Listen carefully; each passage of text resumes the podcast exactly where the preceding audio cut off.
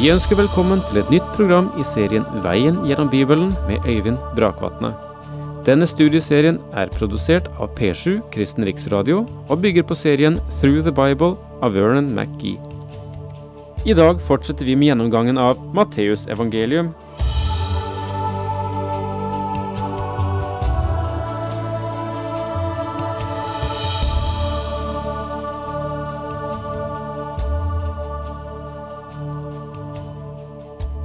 Da vi var sammen sist, så ga jeg dere et motto som dere kanskje allerede hadde, nemlig disse ordene fra Matteus evangeliets 17. kapittel, vers 8, om disiplene som ikke så noen andre enn Jesus. Eller som det står i den gamle oversettelsen Jesus alene. Det er et godt motto. Ingen andre enn Jesus, eller Jesus alene. Det finnes vel eh, andre mottoer også som vi kan ha for vårt liv, men jeg synes at dette står veldig sentralt. Selv har jeg et lite kort som jeg alltid bærer på meg, som betydde mye for meg i mitt liv en gang. Et utsagn av Skovgård Pettersen som heter Først løser Gud lenker, siden løser han gåter. Selv i forbindelse med Guds ord så kan vi stå overfor mange gåter. Men så lenge vi vet at Han er den som løser lenkene, så får vi la noen av gåtene ligge, og så får vi gå inn under det håp som Han tross alt gir, ved at Han blir vår frelser, og gjerne vil være vår frelser. Og dette som en introduksjon til eh, fortsettelsen i Matteusevangeliets 17. kapittel, og der starter det i dag med et spørsmål i vers 10. Da spurte disiplene, hvorfor sier da de skriftlærde at Elia først må komme? Og det er som et svar på det som er sagt tidligere, på veien ned fra fjellet befalte Jesus dem at de ikke skulle fortelle noen om dette synet før menneskesønnen var stått opp fra de døde. Og nå ser disiplene her egentlig et annet sammenheng. Det er egentlig et merkelig utsagn. Og så står det, han svarte, Elia skal nok komme og sette alt i rette stand. Jesus bekrefter det som ble sagt av profeten Malaki. Ja, jeg sier dere at Elia allerede er kommet, men de ville ikke vite av ham og gjorde med ham som de selv ville. På samme måte skal de også la menneskesønnen lide. Dette reiser spørsmål for mange angående døperen Johannes. Var han virkelig Elia? Vi har det samme problemet i Matteus 11. Det Herren gjør i dette kapittelet, er å forsøke å foregripe argumentet om at Jesus måtte dø på korset fordi døperen Johannes ikke var Elia. Og Elia måtte komme før Kristus og vende tilbake for å opprette sitt rike. Det Herren sier, er at om de vil ta imot ham som konge, altså ta imot ham som konge, så vil Johannes være Elia. Skjønner du sammenhengen? Eh, spør meg ikke om hvordan det kunne ha seg. Jeg sier bare hva Skriften lærer. På samme måte skal de også la menneskesønnen lide. Dette er andre gang at Jesus nevner den kommende korsfestelse. Da skjønte disiplene at det var om døperen Johannes han talte til dem. Vi går nå over til beretningen om gutten med den onde ånd. I denne hendelsen har vi en himmelrike situasjon, som den er i dagens verden. Hvor passer menigheten inn i den? Kom med meg nå til foten av fjellet, der de andre disiplene, de som ikke var med Herren på Forklarelsens berg, virkelig er i vanskeligheter. Da de nærmet seg folkemengden, kom det en mann til Jesus, falt på kne for ham og sa, Herre, forbarm deg over sønnen min. Han er månesyk og er svært plaget, for ofte faller han inn i ilden og ofte i vannet. Jeg tok ham med til dine disipler, men de var ikke i stand til å helbrede ham. Dette var kanskje det verste tilfellet som Jesus var gjort oppmerksom på. Det var også en vond situasjon fordi disiplene var lammet. Er det et bilde av kirken i dag, i en verden som er demonbesatt og leker på grensen av vanvidde? Hvorfor skal kirken behøve å være udugelig i denne vanvittige verden? Er det fordi den ikke har nok psykologi eller tilstrekkelige metoder eller nok penger? Den har alt det, men det er ikke det menigheten først og fremst trenger. Denne mannen måtte si til Jesus at jeg tok ham med til dine disipler, men de var ikke i stand til å helbrede ham. Jesus svarte, Du vantro og vrange slekt, hvor lenge skal jeg være hos dere? Hvor lenge skal jeg holde ut med dere? Før gutten hit til meg. Du vantro og vrange slekt ville kanskje vært hans ord til oss i dag òg, og til deg og meg som mennesker. Ja, iallfall så føler jeg at dette er noe som merker meg. Før ham hit til meg. Jesus er den store lege. Og igjen får vi bare oppmuntre hverandre og si til hverandre, ta din sak til Jesus. Og Jesus talte myndig til ham så den onde ånd for ut, og gutten ble frisk fra samme stund. Herren irettesatte sine disipler, og så talte han myndig til demonen. Da disiplene ble alene med Jesus, spurte de ham hvorfor kunne ikke vi drive den ut. Fordi dere har så lite tro, svarte han.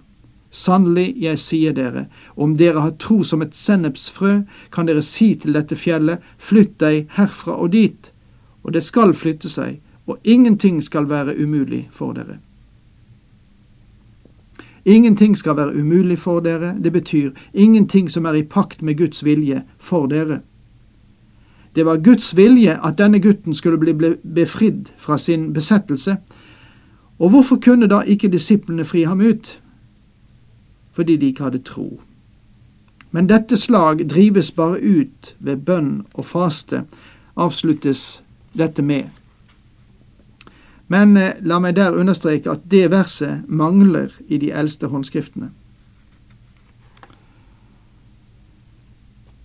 For tredje gang derefter nå minner Herren sine disipler om at han skulle dø og stå opp fra de døde igjen. Og så står det i vers 22 og 23. Mens de ennå var samlet i Galilea, sa Jesus til dem, Menneskesønnen skal overgis i menneskers hender, og de skal slå ham i hjel, og den tredje dag skal han oppstå.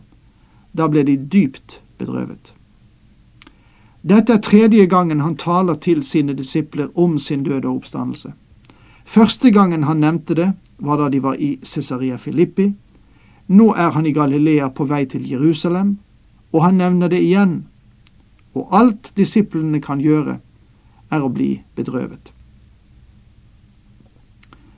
De kom til Kapernaum, og de som krevde inn tempelskatten, gikk til Peter og spurte, betaler ikke deres mester skatt til tempelet? Tempelskatten var det bidraget man samlet inn hvert år til støtte for tempelet. Jo, det gjør han, svarte Peter. Da han kom hjem, sa Jesus før han fikk sagt noe, Simon, hva mener du om dette? Hvem er det kongene på jorden krever toll eller skatt av? Er det av sine egne, eller av de fremmede? Før han fikk sagt noe, betyr at Jesus kom ham i forkjøpet. Av de fremmede, svarte han. Da sa Jesus, så er jo barna fri. Jesus forsøker å vise Peter at på samme måte som den kongelige familie er unntatt beskatning, så burde han som Guds sønn være fritatt fra å betale for opphold av Guds hus. Men for at vi ikke skal støte dem, så gå ned til sjøen og kast ut et snøre. Ta den første fisken du trekker opp, og når du åpner gapet på den, vil du finne en stater. Den skal du gi som skatt for meg og deg. Hans metode å få skattepenger på var sannelig ekstraordinær, for å si det svakt. Nå demonstrerer Herren at han har gjenvunnet alt det Adam tapte. Skapningen var lydig mot ham. Fisken så vel som Peter fulgte hans kommando. Jeg tror at Gud hadde gitt Adam den samme autoritet over all skapningen, men han mistet den i syndefallet. Da sa Gud, La oss skape mennesker i vårt bilde som et avbilde av oss. De skal råde over fisken i havet og fuglene under himmelen og over fe og alle ville dyr og alt krypet som det kryr av på jorden. I forklarelsen på berget ser vi mennesket ført frem igjen til sin opprinnelige hensikt. I denne episoden med penger for tempelskatten ser vi mennesket gjenvunnet til sin opprinnelige yteevne. Skal vi gjenta det? I forklarelsen på berget ser vi mennesket ført frem igjen til sin opprinnelige hensikt. I denne episoden med penger for tempelskatten ser vi mennesket gjenvunnet til sin opprinnelige yteevne. Kan du nå sammenligne dette også med Adams situasjon? Nå må vi sette strek her for eh, det 17. kapittel og begi oss inn i det 18. I det 18. kapittel er selve tematanken, eller temaene, dette. Det angår det lille barnet. Videre sauene som gikk seg bort. Om holdninger i den kommende menighet. Og lignelsen om tilgivelse. De neste få kapitlene ser ikke ut til å gi noen ny progresjon i Matteusevangeliet, men de fyller ut mange spørsmål som har dukket opp på grunn av at det er satt nye grenser for himlenes rike ved at kongen er blitt avvist.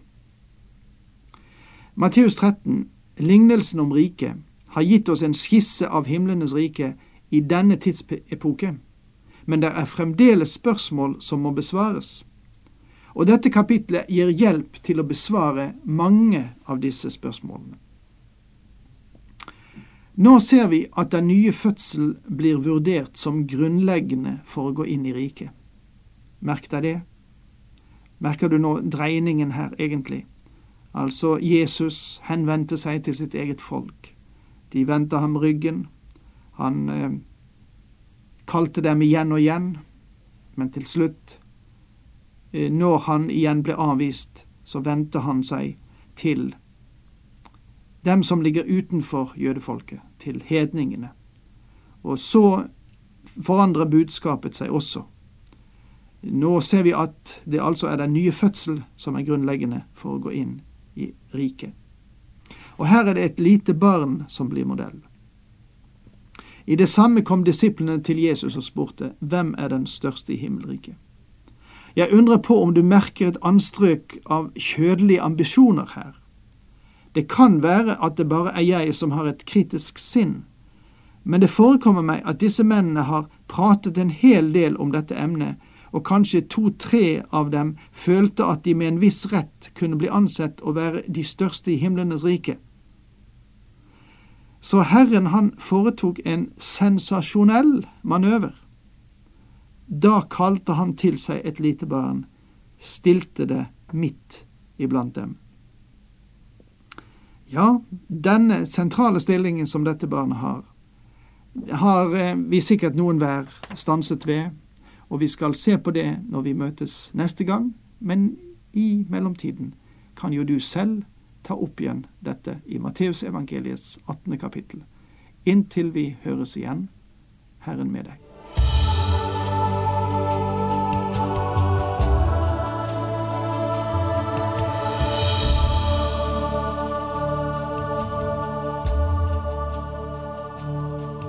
Du hørte Øyvind Brakvatne i studieserien Veien gjennom Bibelen. Serien bygger på et manus av Vern McGee. Har du spørsmål eller kommentarer til programmet, kan du sende en e-post til vgb krøllalfa p7.no. Takk for i dag, og på gjenhør.